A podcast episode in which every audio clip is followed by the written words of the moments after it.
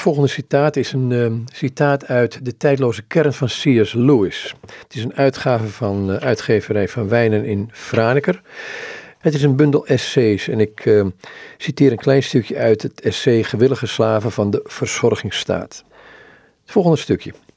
C.S. Lewis zei: Ik denk dat een mens gelukkiger is en op een rijkere manier gelukkig als hij de freeborn mind heeft.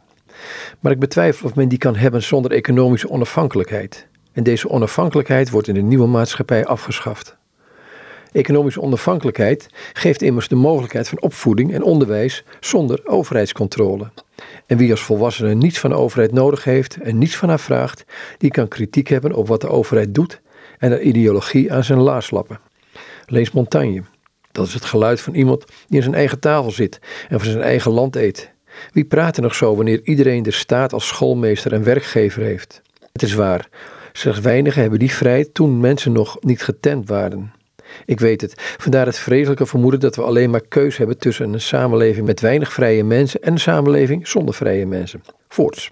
De nieuwe oligarchie zal haar recht op om alles te plannen meer en meer moeten baseren op de pretentie van deskundigheid. Moeten we bemoedigd worden, dan moet moeder het ook altijd beter weten. Dit betekent dat zij meer en meer moet steunen op het advies van wetenschappers, zodat de politici op den duur een speelbal van de wetenschappers zijn. Technocratie is de richting waarin een geplande samenleving zich moet ontwikkelen. Nu ben ik zeer beducht voor specialisten aan de macht, omdat het specialisten zijn die buiten het trein van hun specialisme spreken.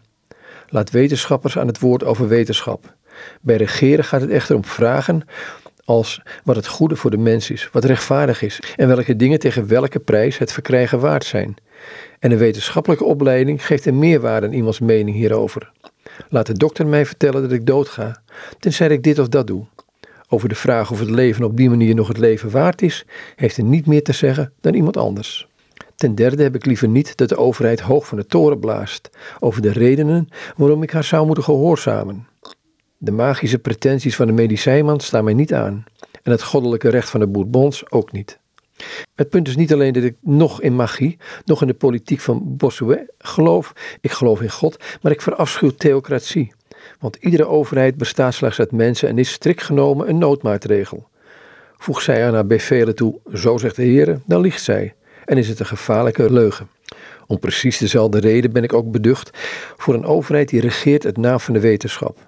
Dat is de manier waarop tirannie ontstaat.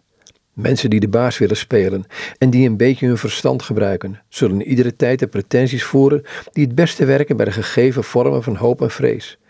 Die gaan ze dan verzilveren, te gelden maken. Zo is magie gebruikt, zoals het christendom gebruikt. Zo wordt in onze dagen vast en zeker wetenschap gebruikt. Echte wetenschappers zullen misschien niet altijd onder de indruk zijn van de tirannen-wetenschap, maar ze kunnen er wel door gekneveld worden. Al de C.S. Lewis vanuit een boekje, De tijdloze kern, andere essays, een uitgave van uitgeverij Van Wijnen in Franeker. Dit korte citaat kwam uit het uh, essay Gewillige slaven van de verzorgingsstaat. Taal door Arend Smilde. En nogmaals, De tijdloze kern is een uitgave van uitgeverij Van Wijnen in Franeker.